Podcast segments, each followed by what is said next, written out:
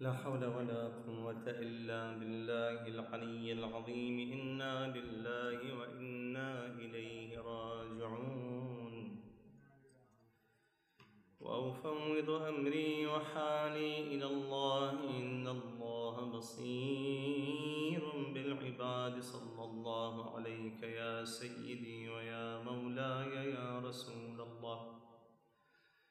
صلى الله عليك وعلى أهل بيتك المعصومين المظلومين المشردين عن الأهل والأوطان. لعن الله الظالمين لكم من الأولين والآخرين.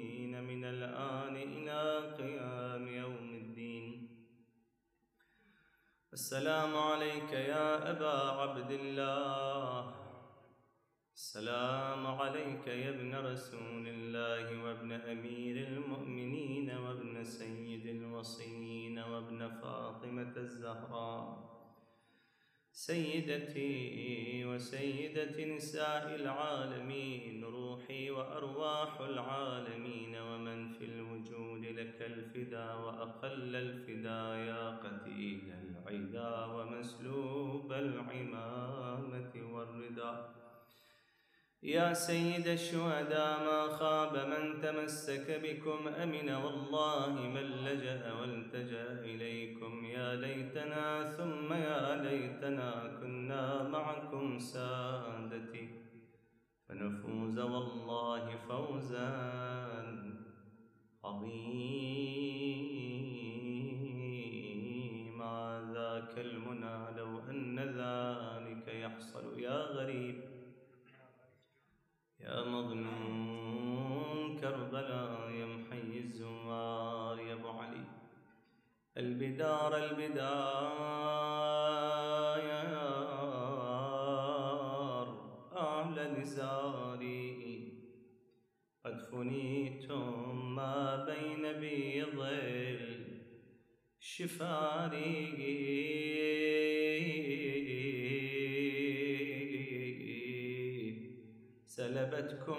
بالطف أي نفوس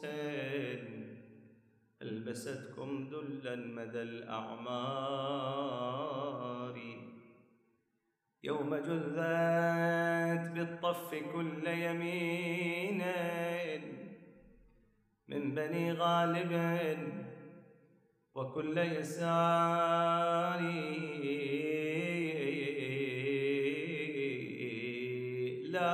لا تلد هاشمية علويا. إن تركتم أمية بقراري طأطئ الروس إن رأس حسين رفعوه فوق القنال خطاري لا تذوقوا المعين واقضوا ضمايا. بعد ضامن قضى بحد الغراري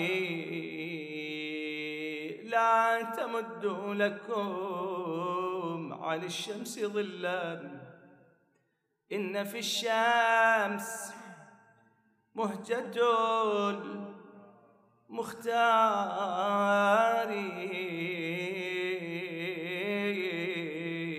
أنزار نضوا برود التهاني فحسين على البسيطة عاري أتكوا عن نسائكم كل خدر. ليش يا شاعر قال هذه زينب؟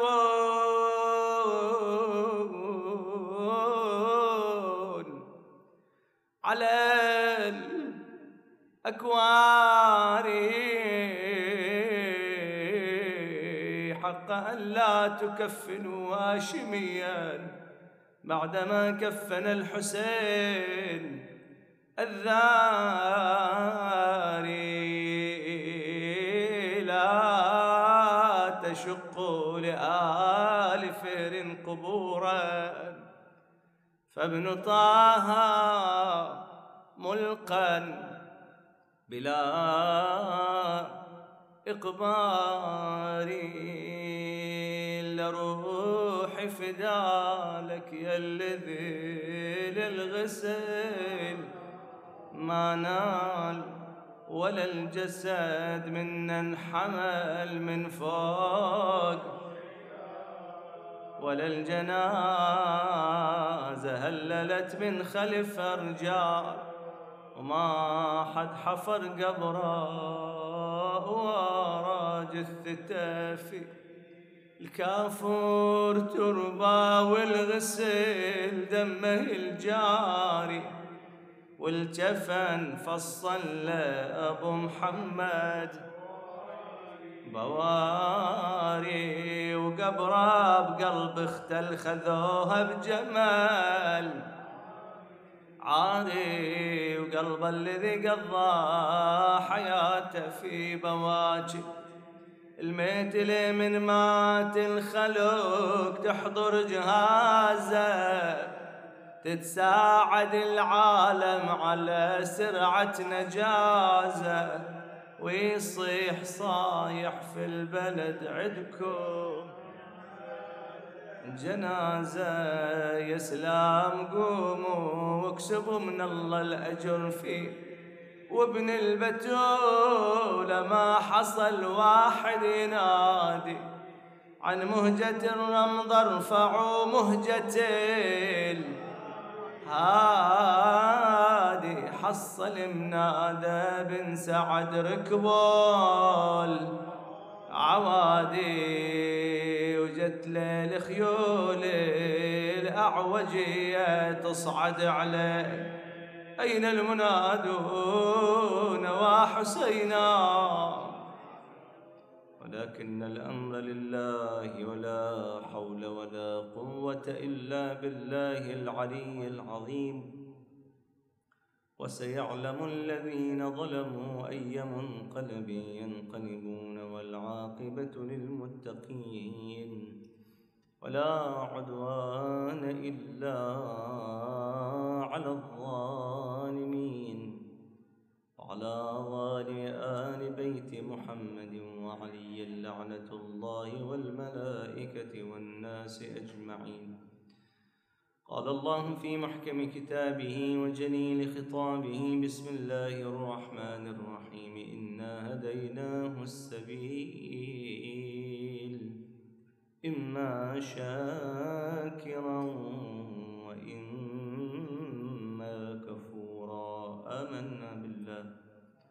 صدق مولانا العلي العظيم. عطروا مجلسنا هذا بذكر الصلاة على محمد وآل محمد.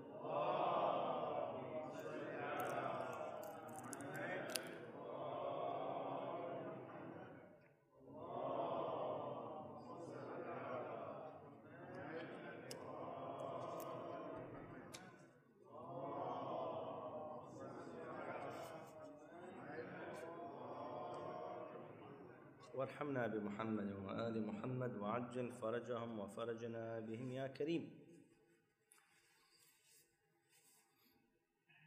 هناك حادثة معروفة ومشهورة عندكم. وهي أنه لما مرض الحسن والحسين صلوات الله وسلامه عليهم نذروا أهل البيت سلام الله عليهم أن يصوموا لله ثلاثة أيام. وبالفعل من الله سبحانه وتعالى عليهما بالصحة والعافية وجاءوا لتطبيق هذا النذر علي وفاطمة والحسن والحسين عليهم السلام وخادمتهم فضة. وفي وقت إفطارهم طرق الباب من قبل يتيم وأعطوه طعامهم وكذلك في اليوم الثاني جاء المسكين وهكذا في اليوم الثالث جاء الأسير. ولم يفطروا إلا على الماء القراح ثلاثة أيام حتى جاء النبي صلى الله عليه وآله في اليوم الثالث رأى الحسن والحسين يرتعشان من شدة الضعف فأشفق لحالهما. حينئذ نزل جبرائيل عليه السلام على الحبيب المصطفى صلى الله عليه وآله وقال له الجليل الأعلى يقرئك السلام ويخصك بالتحية والإكرام ويقول لك خذ هذه التحفة لأهل بيتك. شنو هذه التحفة؟ هي سورة الدهر أو تسمى بسورة الإنسان. هل أتى على الإنسان حين من الدهر؟ تكريما لما فعلوه من إيثار. ومن باذل ومن تضحية. من هنا نزلت هذه السورة. منها هذه الآية التي افتتحت بها صدر المجلس. إنا هديناه السبيل. تريد أن تكون مع أهل البيت سلام الله عليهم في ركبهم وفي خطهم وفي نهجهم. عليك أن تكون من الطريق الأول أن تتخذ طريق الشكر. وهو الذي اتخذه أهل البيت والأنبياء والأولياء والصالحين والمؤمنين. أما الطريق الثاني هو الذي يبعدك عن أهل البيت سلام الله عليهم. أن تكون من الكافرين إما شاكرا وإما كفورا. الطريق الذي اتخذه المجاحدون والكافرون والمنافقون إلى غير ذلك من العصبة السفلى. إذا يتبين لنا أنه مهم جدا أن نكون من الشاكرين لكن ما هو الشكر؟ نقطتين ولا أطيل عليكم. حقيقة الشكر ما هو؟ حقيقة الشكر ما هي؟ واثنين حكم الشكر ما هو؟ نأتي إلى النقطة الأولى. ما هو حقيقة الشكر؟ حتى أكون مع أهل البيت وفي ركبهم وفي خطهم. هل الشكر أن أقول شكرا لله مئة مرة أكرر لفظين حينئذ يطلق علي أنني من الشاكرين أو أن أسجد بعد كل صلاة أقول الشكر لله الشكر لله. يطلق علي أنني حقا فعلا أنني من الشاكرين. أو لا قالوا العلماء هذا مظهر من مظاهر الشكر. حقيقة الشكر ليس التلفظ وإن كان التلفظ مطلوب. أن الإنسان يلهج بذكر الله سبحانه وتعالى صباحا ومساء. لكن إذا كانت مجرد بس لفظ ذكري قلقلة لسان مجاملة لأن البعض قد يذكرها. تروح تشتري بضاعة من السوق تعطيه ثمنها وتقول له إيش؟ اشكر لو يستحق الشكر لو تقولها مجاملة لم يعطيك لم يعطيك هذه البضاعة بالمجان حتى تشكره. أعطيته شنو؟ ثمنها. فحتى لا نتعامل كما نتعامل مع الناس نتعامل هكذا مع الله. نكررها لفظا لكن القلب بعيد كل البعد عن شكر الله سبحانه وتعالى. إذا ما هو ما هي حقيقة الشكر؟ الشكر هو امتنان قلبي أن الله قد أنعم علي بنعم كثيرة وأنا مقصر في أداء عوض هذه النعم. الله أنعم علي بنعم كثيرة. وإن تعدوا نعمة الله لا تحصوها لا تعد. وأنا مقصر. مهما فعلت سجدت صليت صمت لن تستطيع أن تؤدي حق شكر نعمة واحدة. فضلا عن هذه النعم الكثيرة. مهم جدا أن يستشعر الإنسان لأن الإنسان إذا ما يستشعر قد يطغى. يكون كمثل ذلك الذي يقول أنا ربكم الأعلى. تتوالى عليه النعم نعمة بعد نعمة. وشوف أحمد تسأل بعض شبابنا شلون درست وحصلت هذه الشهادة الجامعية المرموقة ماستر دكتوراه. قال بعرق جبيني. تعبي. وينسى أن الموفق له من؟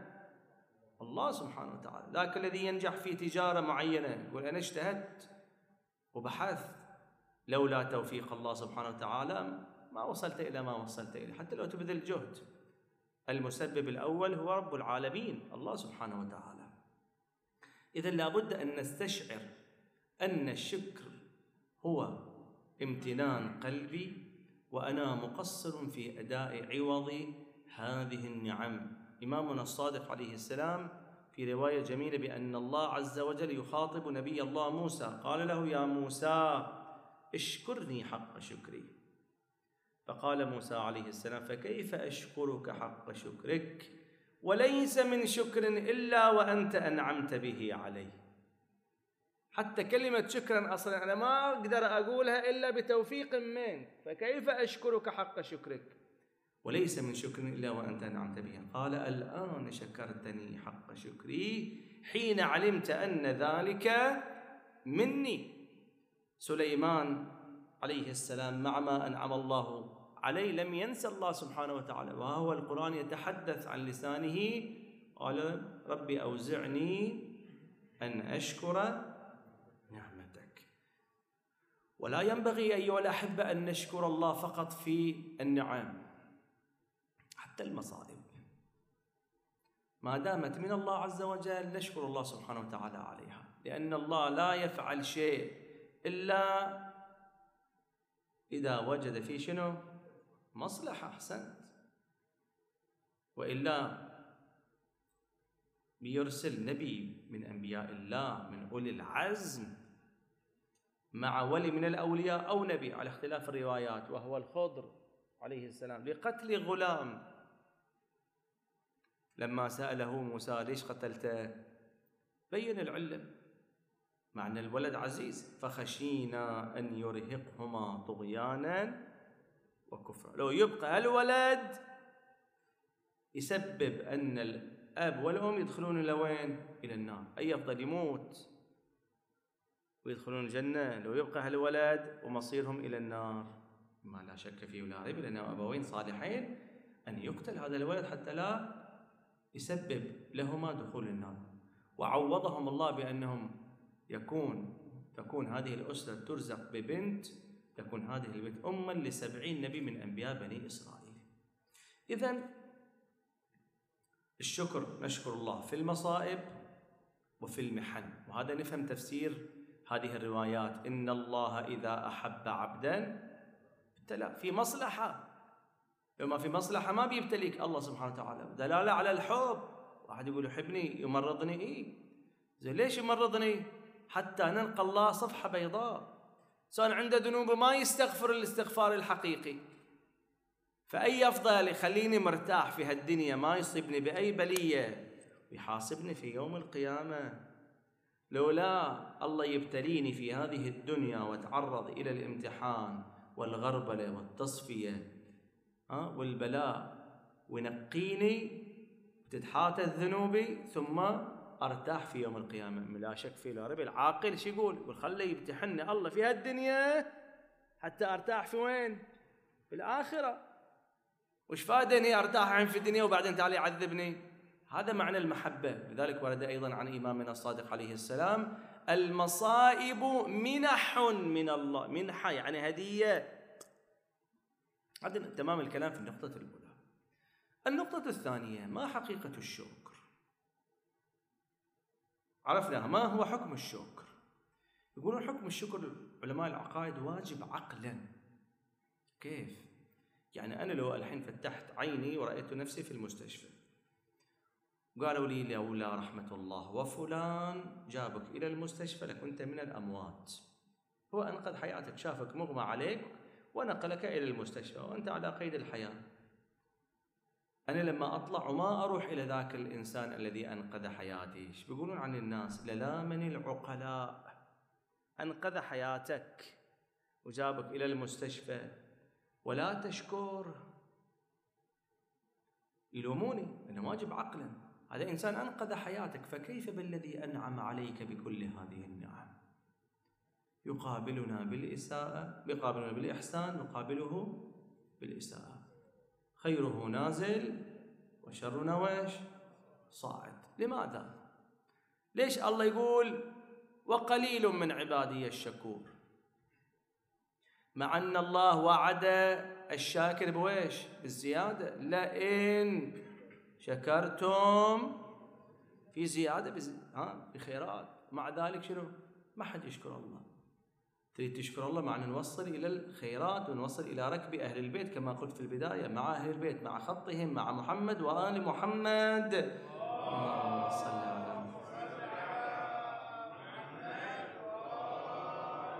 على السبب هو الشيطان الرجيم. هو لأقعدن لهم صراطك المستقيم. عن أيماننا يميننا وشمالنا وأمامنا وخلفنا ويقول بلسانه ثم لا تجد أكثرهم شاكرين. ما الذي يجعل الشيطان يتسلط على الإنسان؟ الذنوب والمعاصي. هذا ما كسبت أيديهم. وإلا ما الذي جعل أبو دجان ما يفر؟ أبو دجان الأنصاري رجل من صحابة رسول الله صلى الله عليه وآله. لما وسوس الشيطان إليهم في غزوة أحد فر من فر لكن أبو دجان ثبت وقاتل واستشهد في غزوة أحد. الشيطان ما سيطر عليه لأنه ليست عنده ذنوب قلبه طاهر. كل ما كان الإنسان خالي من الذنوب الشيطان لا يستطيع أن يسيطر على ذلك الإنسان. لكن إذا زادت ذنوب الإنسان والمعاصي والخطايا بسهولة الشيطان يحركه يمينا وشمالا. السؤال ما الذي يجعل الشيء الذنوب تزداد عندي؟ أنا أريد الشيطان ما يسيطر علي. الذنوب والمعاصي سببها الأول والأساس والأخير تعلقنا بهذه الدنيا. ورد أنه حب الدنيا رأس كل خطيئة. إنسان كل ما يتعلق بهذه الدنيا راح تزيد ذنوبه. وإذا زادت ذنوبه زاد الشيطان يتسيطر يسيطر عليه. وإذا سيطر عليه الشيطان ينسيه. مو بس التوبة ينسيه حتى شكر الله سبحانه وتعالى. ما الذي أجعل قلبي لا يتعلق بهذه الدنيا؟ أفضل وسيلة لإزالة تعلق قلوبنا بهذه الدنيا الإنفاق في سبيل الله سبحانه وتعالى. الله يقول عن أهل البيت إن الأبرار يشربون من كأس كان مزاجها كافورا. أبرار. آية أخرى. لن تنالوا شنو؟ البر. حتى شنو؟ تنفقوا إنفاق. ما الذي جعل أهل البيت يصلون إلى ما وصلوا إليه؟ فاق في سبيل الله. إطعامهم مع أنهم بحاجة ويؤثرون على أنفسهم. ولو كان بهم شنو؟ خصم محتاجين. ويطعمون الطعام على حبه مسكينا ويتيما وأسيرا. إنما نطعمكم لوجه الله لا نريد منكم جزاء ولا شكورا. إنفاق في سبيل الله. ومو أي إنفاق تنفق أي شيء ما تريده. مما شنو؟ تحبون. لن تنالوا البر حتى تنفقوا مما تحبون. شيء تحبه. ويقول النبي صلى الله عليه وآله فوق كل بر بر. درجة. إلى أن يصل إلى أقصى شيء. حتى يقتل الرجل في سبيل الله. فليس فوقه بر. أعظم شيء الإنسان ينفق ويش نفسه. والجود بالنفس أقصى غاية الجود. وهذا مصداق واضح وبارز لمن؟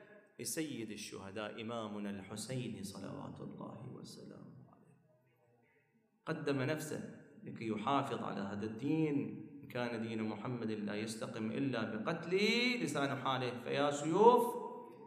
خذيني ضحى بأهله بعياله. وللأسف لم يعرفوا من هو صبط النبي صلى الله عليه وآله. ريحانة النبي الذي كان يكثر من تقبيله. الذي يقول عنه حسين مني وأنا من حسين. أحب الله من أحب حسينا. الحسن والحسين إمامان إن قاما أو قعدا الحسن والحسين سيدا شباب أهل الجنة. وبالتالي هالريحانة يبقى جسده على ضوضاء كربلاء ثلاثة أيام من دون مواراة هضيمة لو مو هضيمة أنت إنسان مؤمن عادي تتألم لما تشوفه يتعطل ساعات. يقول يلا خلوه نعجل به حتى نريحه إكرام الميت دفنه. هذا تكريم. فكيف إذا كان إمام معصوم؟ حجة الله على الخلق. يبقى ثلاثة أيام حتى تأتي جماعة بني أسد. إلى أرض كربلاء يريدون يستسقون.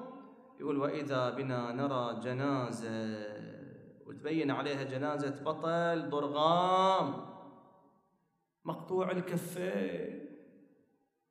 انحدرنا نحو المعركة وإذا بهم يرون أجساد مضرجة يقول دققنا النظر وإذا بنا نراها بأنها جثث بلا رؤوس. ألا من مناد وحسينا ومصيبتا كأني بهم جاءوا ناحية وسط المعركة وإذا بهم يرون جنازة يشع منها نور وتفوح منها رائحة المسك والعنبار. مردد مردد الطعنة على الطعنة الضربة على الضربة وعلى صدره طفل صغير وحتى الطفل محزوز راسه.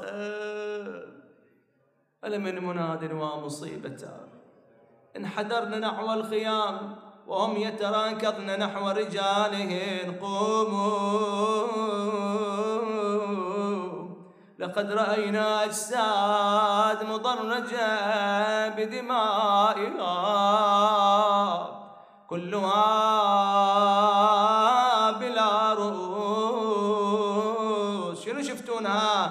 قالوا إحنا قصدنا المشرع وجينا المعارة وشفنا جسد مرضوض وتركنا حيارة. أوصالك كلها مقطعة وتسطع نوارا مقطوع حتى خنصرة من جف اليمين. بالشمس مرمى على الثرى عريان مسلوب وقلب العدو من شوفته ينفت ويذوب مطعون بضلاعة وقلبه بسهم مصيوب. ويما رضيعة ونظن هذه جثة حسين ويما ولد مثل البدر جسمه يتلال وكثر الطعن والضرب ما غير.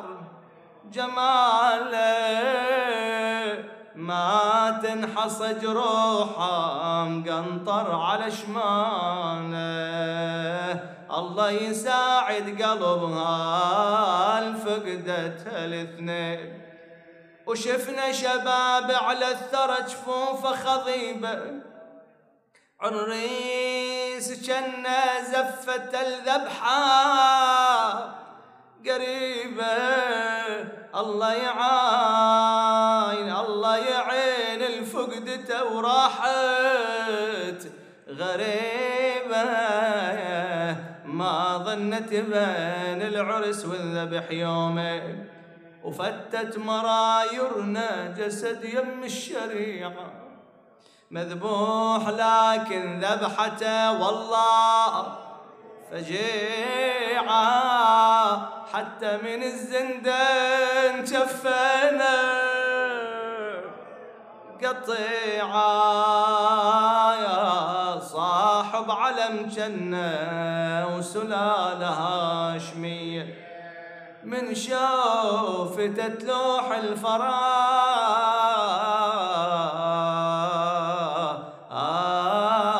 آسى وشدة الباس. زنود بلي جفوف والجثة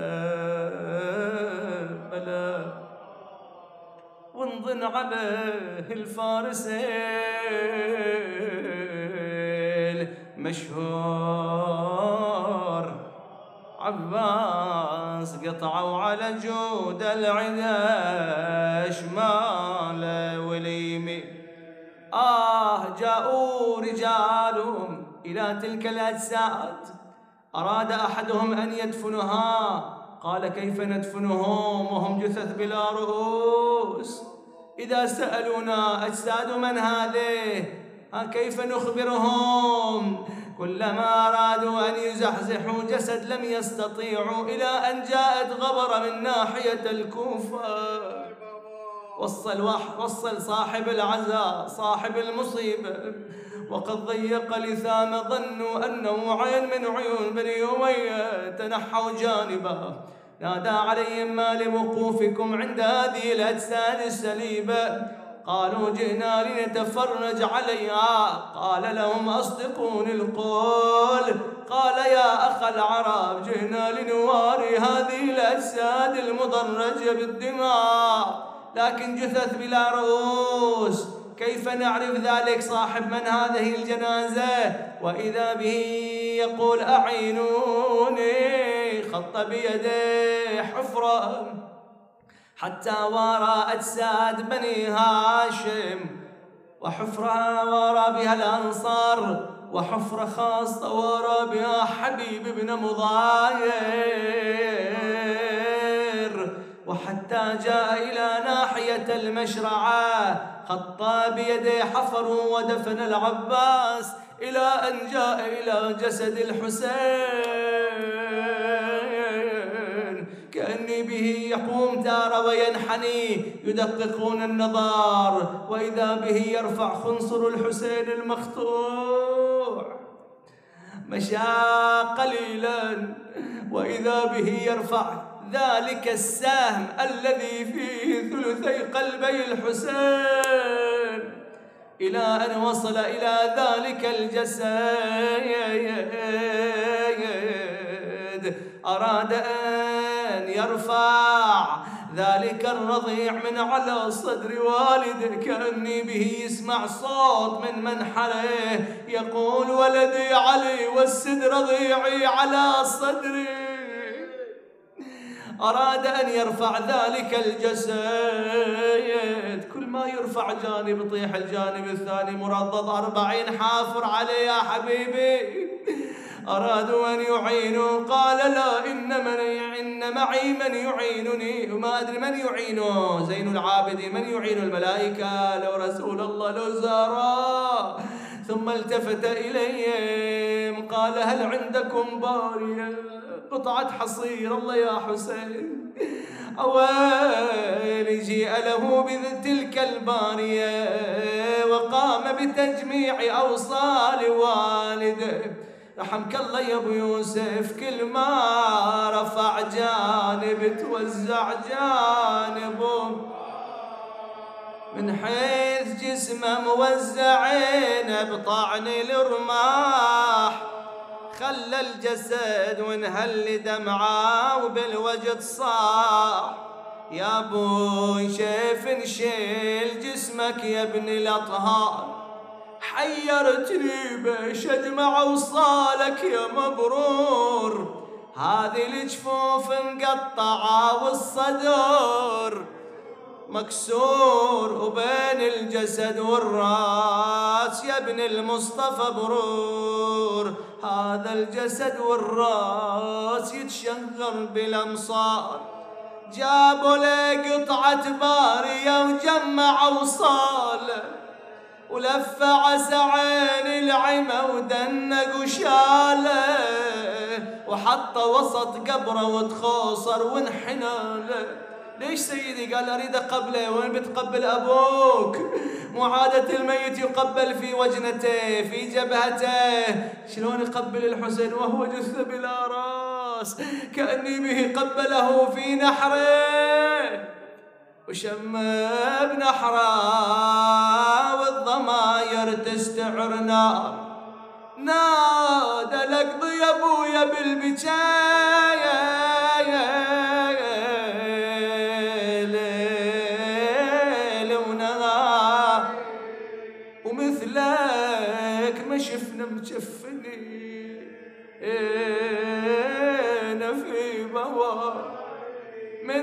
بعد ما تبقى على التربان.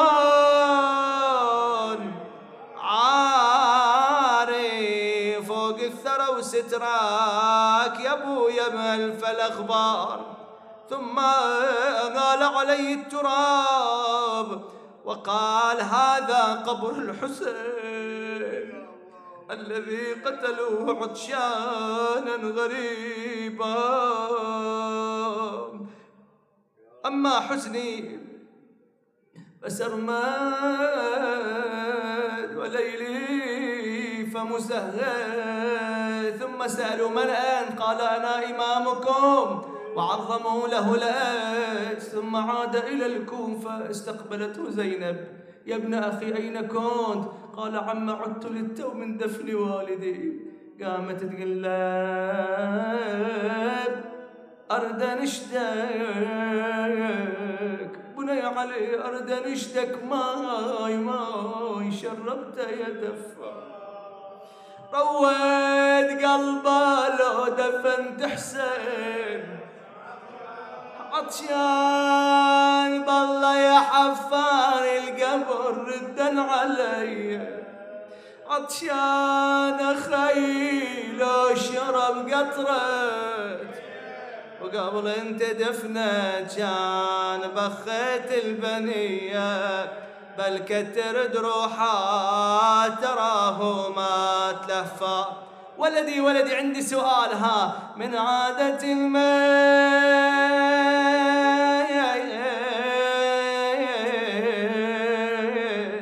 يصير على الترب خده شلون دفنت أبوك حسين وهو راس ما عنده؟ يا حسين مرحومة هالعبرات مقضية الحوائجها بيت الدعاء خبرني عن الحسين. قالنا عم عم زينب ما حد تدنا من الخلق شكلهم رموس غير محاسنهم يا عم حر الشموس. ودفنتهم كلهم يا محزونة بلا روس. وأما البطل عباس لا راس ما غسلوا ولا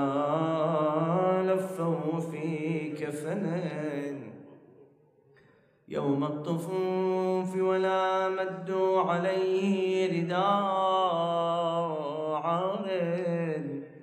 تجول عليه الخيل عادية حاكت له الريح ضاف مئزرين ورداء يا الله نقسم عليك بالحسين الوجي وجده وأبي وأمه وأخيه. والتسعة المعصومين بني فرج عنا يا الله. فرجا عاجلا قريبا كلمح للبصر وهو أقرب من ذلك يا كريم. اشف كل مريض فك كل أسير رد كل غريب غير سوء حالنا بحسن حالك يا كريم. لا تخرجنا من هذه الدنيا حتى ترضى عنا. اغفر لنا ولوالدينا وارحمهما كما ربياني صغيرا. ازيما بالإحسان إحسانا وبالسيئات عفوا وغفرانا. اللهم عجل لوليك الفرج والعافية والنصر. اجعلنا من أنصاره وأعوانه والمستشهدين بين يديه وتحت لوائه ومقوية دولته وسلطان إنهم يرونه بعيدا. ونراه قريبا جماعة المؤسس والحاضرين. فضم في أنفسهم من يلود بارك اللهم في أعمارهم وأرزاقهم اقض اللهم حوائجهم يسر أمورهم. وإلى أرواح موتاكم وموتى المؤمنين والمؤمنات والعلماء والشهداء وخدم أبي عبد الله الحسين.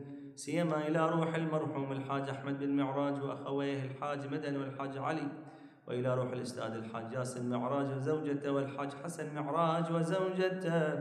نهدي لهم ثواب هذا المجلس وثواب سورة المباركة الفاتحة مع الصلوات.